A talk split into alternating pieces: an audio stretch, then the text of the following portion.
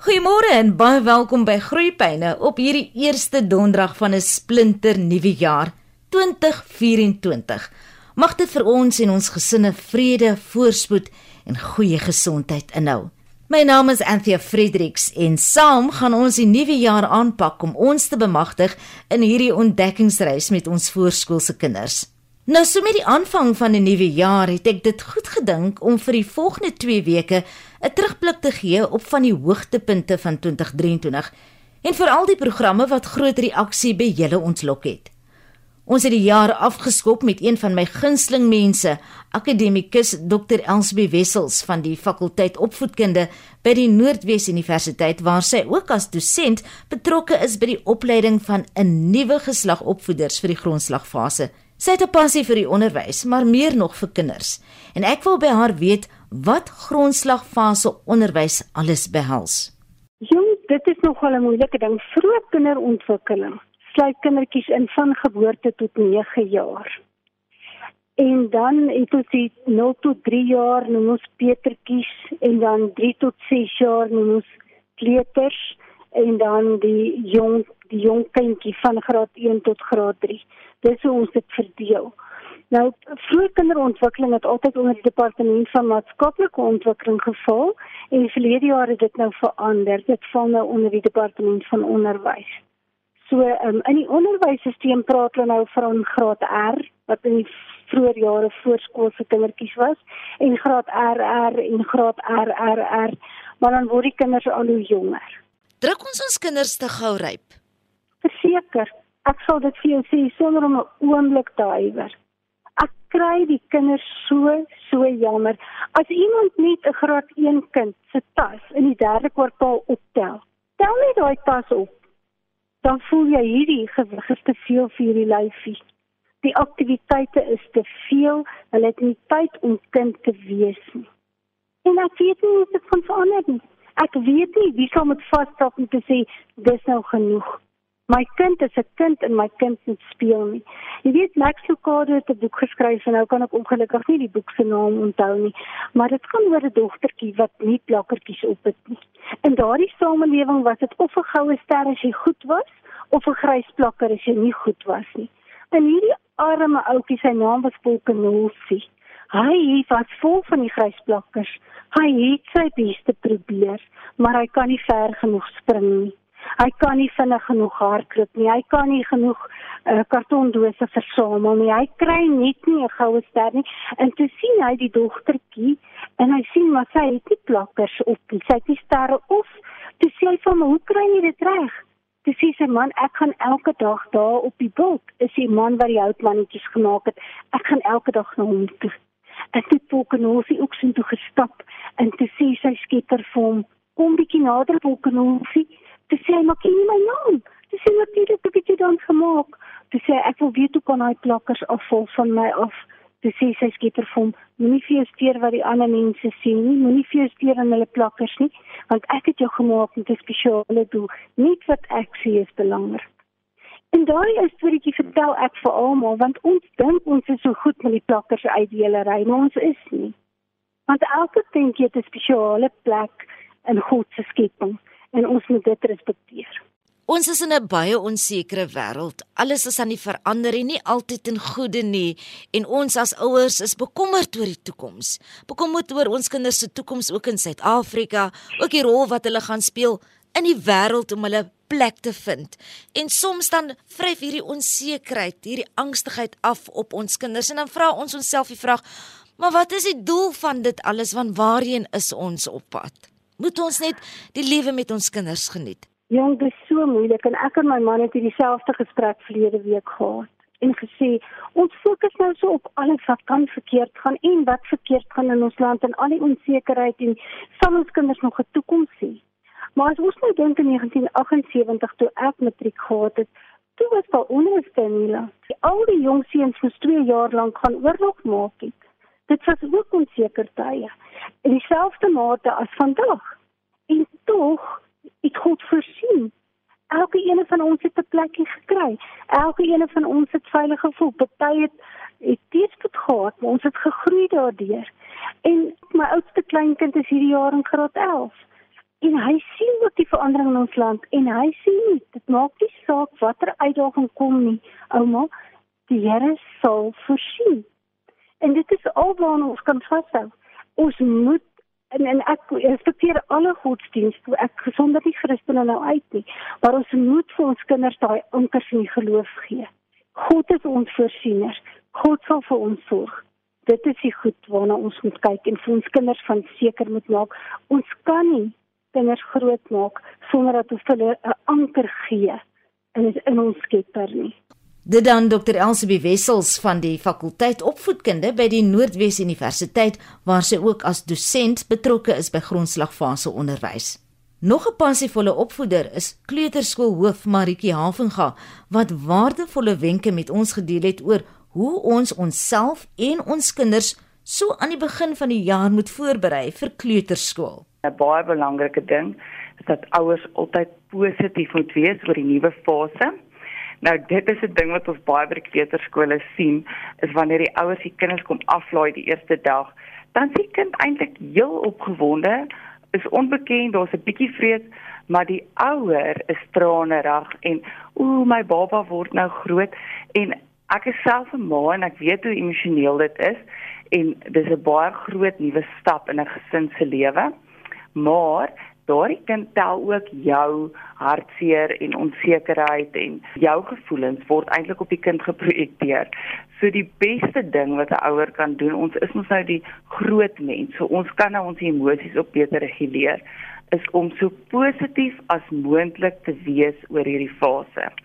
So die ouer moet maar die traan die aand voor die tyd in die bed stort en dan daardie dag moet jy sterk staan vir jou kind en opgewonde lyk. 'n Rotine is natuurlik die ding wat jou kind die maklikste gaan laat aanpas in 'n kleuterskool omdat skole bestaan uit dagprogramme en rotines. So as jou kind by die huis die hele dag kon doen wat hulle wou en daar was nie 'n badtyd of 'n slaaptyd of 'n eettyd of enige reëls of strukture nie, gaan dit nogal regtig 'n uitdagende aanpassing wees vir hulle. So ek het met my kinders toe hulle klein was, het ek altyd gesê ons oefen voor skool begin. So so 'n paar dae voor die skool begin, dan ons weer ons gewone slaap rotine gegaan, 'n skoolslaap rotine en gewone eetrotine sodat ons lywe net kan oefen vir wanneer die skool begin. En ek dink dis nogal 'n baie waardevolle wenk wat um, ouers kan doen voordat hulle kind in 'n skool sit is om 'n rotine te kry sodat die kind se liggaam klaar in ritme is wanneer hulle by die skool aankom want daar gaan die rotine net voort. En onthou altyd dat 'n uitgeruste kind wat goeie voeding gekry het en skoon is en na omgesien word, neem baie makliker deel aan 'n dagprogram en kan baie makliker inneem wat in hulle wêreld aangaan. En dan 'n ander ding is maats dit is partykeer moeilik vir 'n kind om te sosialiseer. Uh as hulle nou byvoorbeeld 'n enkel kind is en jy kom hulle vir die eerste keer na skool, dit is um partykeer vir hulle bietjie oorweldigend om al hierdie maatjies te sien. So om jou kind te help om um die sosialisering net aan die gang te kry is om kuiertjies te reël met maatjies. So baie kere in die kleuterskole is dit maar so dat jy word met jou kinders se vriende se ouers vriende omdat jy begelei al vir die sosialiseringsfase waar die kinders gaan om dit net te ontwikkel. Um en dan later natuurlik verander alles, maar in 'n kleuterskool is ouers maar baie betrokke. So jy reël die kerkies vir jou kind ons moet onthou dat ons kinders gaan dit definitief nie self reël in kleuterskool nie en hulle gaan dit ook nie voorstel nie want dit is alles splinternuut vir hulle. Hulle het nie 'n verwysingsraamwerk daarvan nie. Ons as volwassenes weet mos nou hoe werk die sosiale patrone. So 'n reële kuiertjie, um, leer die kinders se ouers ken, raak betrokke by die skool, gaan na die sosiale aktiwiteite toe want so skakel die hele gesin dan makliker aan by die skool en jou kind raak ook dan nou baie meer gemaklik daarmee. En dan die onafhanklikheidsvaardighede waaroor ons vroeër ook gepraat het, toiletroetine, eet, al daardie dinge. Sjoe, dit is so belangrik, weet jy? Baie baie ouers dink dat as hulle vir hulle kinders iets doen, dan hulle nou goeie ouers. So hulle gaan alles vir hulle kind doen. Hulle trek die kind aan, hulle letterlik al sny die kossies in die fynste kleinste deeltjies. Dit is belangrik, maar jou kind is nou op 'n ouderdom waar hulle al 'n bietjie meer self moet kan doen. So leer hulle om hulle self te kan help. Self toilette te kan gaan, hulle hande te was, hulle eie klere aan te trek. Ek weet dat op hierdie ouderdom is hulle nog baie ehm um, hulle hulle kan nog nie mooi besluit wat hulle lê nie. So die, as jy nou daai hele kas klere oopmaak en sê jy kan ook kies wat jy vandag skool toe aantrek, dan sê elke oggend laat vir skool. So 'n wenk daar is om byvoorbeeld twee uitrustings op die bed neer te sit en sê jy kan een van die twee kies of kies vir jou hierso. Dan is daar net twee opsies. So die kind het nog steeds die vryheid van keuse, maar jy gaan ten minste betyds nog vir skool. En dan jou taalvaardighede is so so so belangrik. So jy wil hê jou kind moet soveel as moontlik kan verstaan en soveel as moontlik kan sê sodat jy ook lekker terugvoer kan kry aan die einde van die dag. Dit is vir die ouers ook makliker met die aanpassing as die kind ten minste vir jou kan sê wat het gebeur deur die dag. Um en 'n taalarm kind is baie keer 'n gefrustreerde kind en dit kan nogal tot gedragsprobleme lei want ek moet nou byt want ek kan nie vir jou sê los my uit nie, sê ek nie nou maar byt. Uh waar as jy die woordeskat gehad het, dan kon jy jou emosies op beter gereguleer het en jy kon jou woorde gebruik het in plaas van dade. So wat ouers hier kan doen is storietyd in die aand. Die waarde daarvan kan nie genoeg uitgedruk word nie. Um, praat gereeld met jou kind, lees vir jou kind stories. En dan 'n ander ding is om hardop te dink. Want onthou jou kind leer nog eintlik hoe om te dink. So terwyl jy byvoorbeeld in die kombuis werk, sê sommer hardop: "Mamma moet nou baie vinnig maak met die kos want die krag gaan oor 10 minute af en uh, die kos moet gaar word." So jy sê eintlik hardop wat jy in jou kop dink. Dis baie belangrik vir 'n kind om te leer hoe om te dink, maar jy sit dit om in woorde want dit verryk ook hulle woordeskat en dan verstaan hulle ook sekere aksies wat jy neem. En dit help baie baie baie met skool. Goeie onderwysers doen dit in die klas ook. Ehm um, want dit sit jou jou denkpatrone aan die gang. 'n Troos simbool is my beter as om 'n item skool toe te stuur. Party mense wil nou 'n uh, teddy skool toe stuur of ietsie wat die kind nou kan vashou, maar die probleem met dit is daardie voorwerpie, die ding wat jy nou saamgeneem het, speelding of wat ook al dit is dit raak weg of die ander kinders speel daarmee of dit breek. Dan is dit 10 keer erger as jy net glad met niks gegaan het nie. So skole verkies ook dat die kinders nie hulle eie goed skool toe bring nie, want ons oor is genoeg goed by die skool. Maar wat ek partykeer sal doen, as ek sien 'n kind sukkel met aanpassing is, mens teken sy net 'n hartjie op die kind se hand en dan 'n hartjie op die mamma se hand of wie ook al die kind afgelaai het en dan kan die kind dit soos 'n simbool sien as hulle nou bietjie huilerig voel of 'n mamma verlang, dan sê ek altyd druk druk die hartjie op jou hand. En as hulle dan die hartjie druk, dan sê ek voel jy dit dat mamma druk jy terug. En dan sê hulle altyd ja, want hulle verbeelding is baie sterk. Selfs 'n spuit van mamma se parfuum of so waarna hulle kan ruik wat aan hulle lyfie vas is, kan nogal help met die aanvanklike aanpassing. En dan om van jou kind te skei vir kort periodes. En selfs wanneer jy by die huis is, help vreeslik baie. As kinders onder 3 jaar oud is, daai baba speletjie wat ons almal met ons kinders gespeel van waar sy waar sy waar sy daar sy en dan gaan hy voorwerp weg en dan kom hy weer terug of jy steek jouself agter die uh, kombers weg en dan verskyn jy weer. Dit leer die kinders dat ek gaan weg maar kom terug. Jy sien my nou nie, maar nou sien jy my weer. So wanneer jy my nie sien nie, beteken nie ek sien van ek van die aardbol af nie. So om voor die kind skool toe te gaan, sulke skeidingsspeletjies te speel. Leer die kind ook jy gaan weer terugkom. Kleuterskoolhoof Maritjie Havengaard verwys na goeie voeding wat so belangrik is.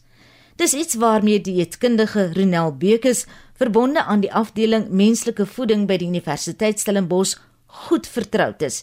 En sy het met ons oor vetsug onder jong kinders gepraat wanneer 'n kind vetsugtig is, ons lees dit van die grafiek af in die pad na gesondheid boekie, die meeste mense werk gewoonlik met gewig vir ouderdom op op die grafieke wat daar beskikbaar is.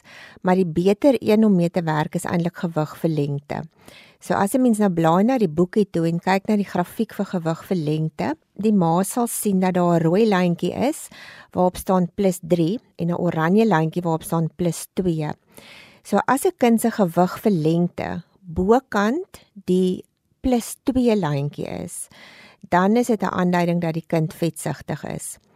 As die kind se gewig vir lengte bokant +3 is, dan is dit 'n aanduiding van en dis maar 'n baie lelike woord, maar daar's nie 'n beter vertaling uit Engels vir die woord as om te sê die kind is obese nie of in Engels praat hulle mos van obese. Ek dink dit klink dalk beter as mens sê oormatig vetsigtig. Dit is die grafiek waarmee ons werk. Ons werk met gewig vir lengte om te kyk of 'n kind oorgewig of vetsigtig is. Maar dis eintlik maar 'n swaar term vir so 'n jong kind. Kan ons dan sê babas en kinders, voorskoolse kinders is vetsigtig? Ja, ongelukkig is die probleem groter as wat 'n mens dink.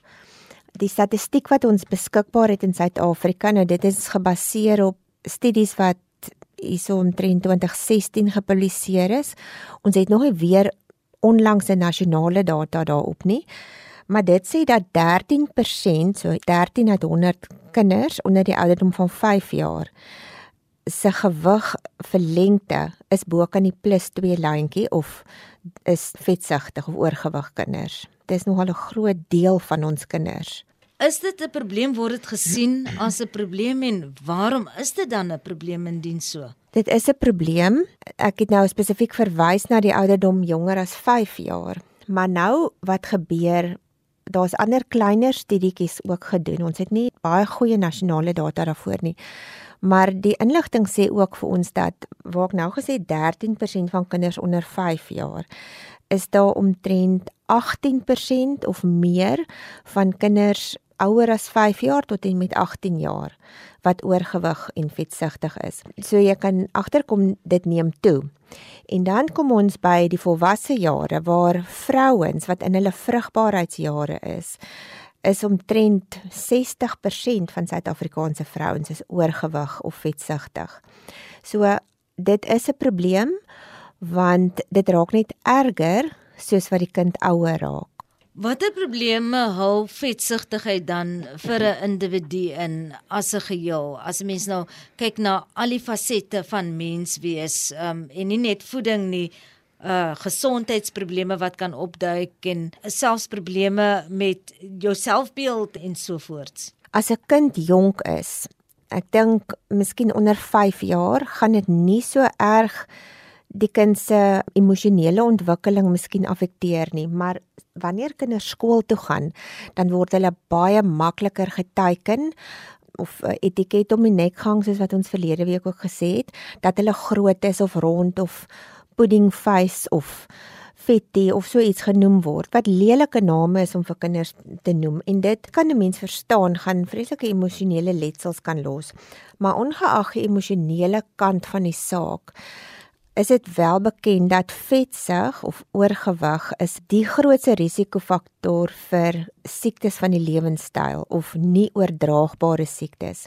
En dit is nou ongelukkig, mens besef nie wanneer jou kind klein is dat oorgewig gaan nou of kan in die later jare lei tot hoë bloeddruk, diabetes, kardiovaskulêre siektes, hoë cholesterol.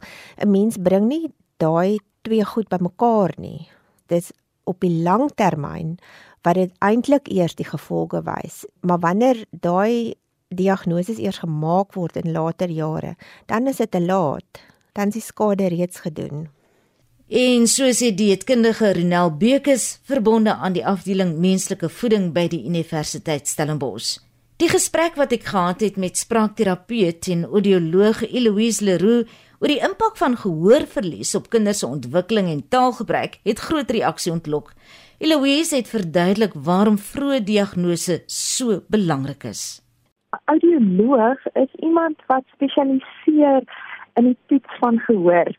Hulle weet ook wat is die impak van gehoorverlies op kommunikasie en dan verstaan hulle ook goed wat is die regte tegnologie om dan aan te beveel en in te stel om daai gehoorverlies te voorkompenseer en klank dan aan die persoon te verskaf. So wanneer kinders agterstande toon in hulle taalontwikkeling, partykeer land hulle eers by spraakterapeut waar die ouers sal sê ek is bekommerd dat my kind nog nie genoeg praat nie en dan sal daai spraakterapeut die kind evalueer en soms dan na die tyd verwys na 'n audioloog toe net om seker te maak dat daar nie 'n gehoorverlies teenwoordig is wat dan die rede is vir die spraak of taal agterstand nie. Ander kere gebeur dit weer dat die kind dalk eers te land by die audioloog om 'n gehoorverlies uit te skakel as ouers dan bekommerd is oor uh, die kind se spraakontwikkeling.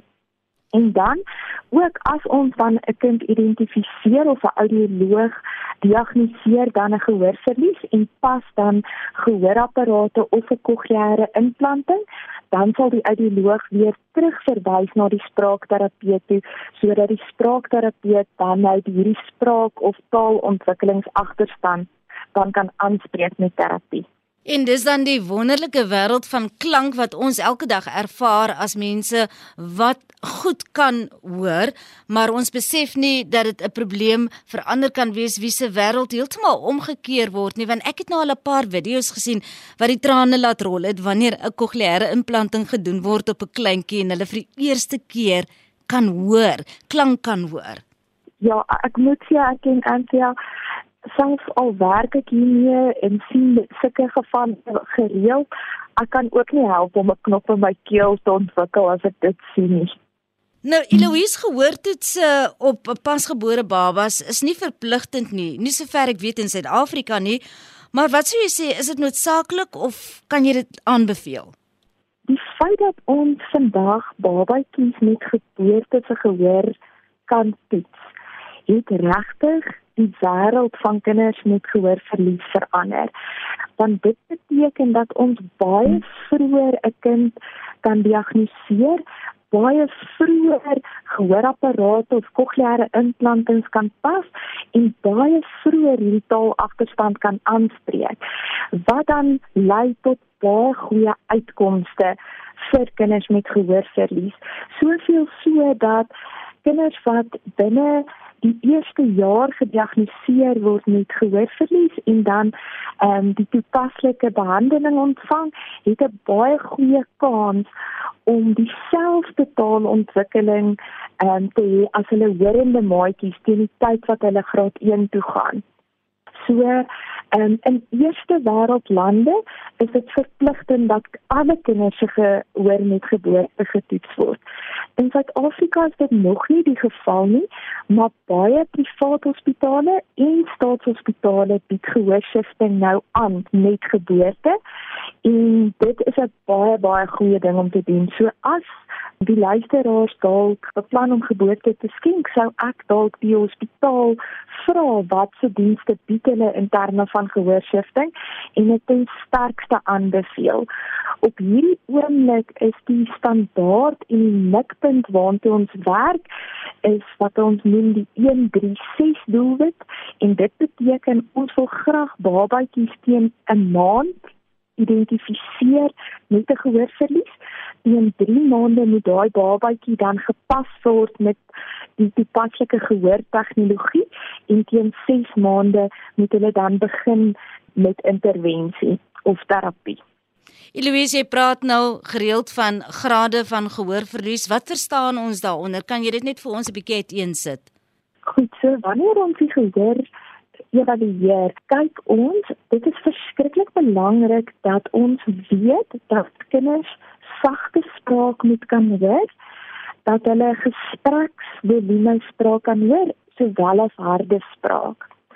So wanneer 'n audioloog jou kind se gehoor toets, gaan kyk ons wat is die graad van gehoorverlies. So wanneer 'n kind normale gehoor vir 'n kind is as 'n kind tussen 0 desibel en 15 desibel kan hoor oor 'n frekwensie-spektrum, so tussen lae klanke tot hoë klanke. Met die kind tussen 0 en 15 desibel hoor. En dan wanneer ons van sien 'n kind hoor se gehoor is tussen 15 en 20, dan sal ons dit klassifiseer as 'n geringe verlies en so gaan ons aan tot 'n gemiddelde verlies, 'n ernstige verlies is so tussen 70 desibel en 90 desibel. En dan bo 90 desibel sal ons sê is 'n totale gehoorverlies. Dit dan spraakterapeut en audioloog Eloise Leroux oor die impak van gehoorverlies op kinders se ontwikkeling en taalgebruik. Dis alwaarvoor ons vandag tyd het. Volgende week maak ons weer so. Onthou jou afspraak, dieselfde tyd, dieselfde plek. Groeipenne groete van my Anthea Fredericks.